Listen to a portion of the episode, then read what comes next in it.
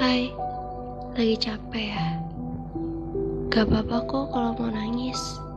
Nangis aja sampai kamu ngerasa lega. Kadang capek ya hidup dengan banyak tuntutan. Harus jadi kayak gini, kayak gitu. Kadang ngerasa orang lain gak bisa ngertiin apa yang lagi kita hadapin. Kalau udah capek, terus kamu berusaha cerita sama orang lain, pasti ada aja orang yang bilang, ah, masa gitu doang nangis?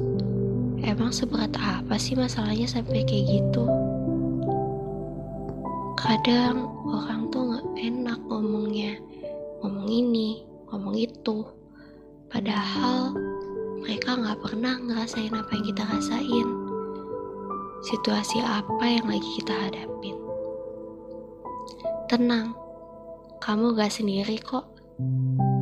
Aku bisa ngomong kayak gini karena aku pun ngerasain hal yang sama. Kadang, dengan rasa penuh tekanan, kita masih harus terlihat baik-baik saja di depan orang lain. Dipaksa tertawa, padahal lagi capek banget, pengen nangis. Belum lagi dengan overthinking dan sebagainya. Kadang rasa capek itu bikin kita mikir buat nyakitin diri kita sendiri. Bahkan sampai buat ngakhirin hidup.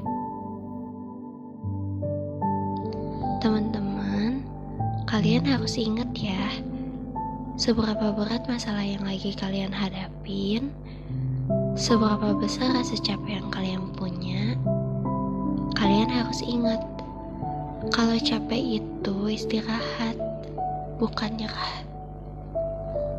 Aku yakin kalian bisa kok ngelewatin semuanya. Tetap semangat ya teman-teman.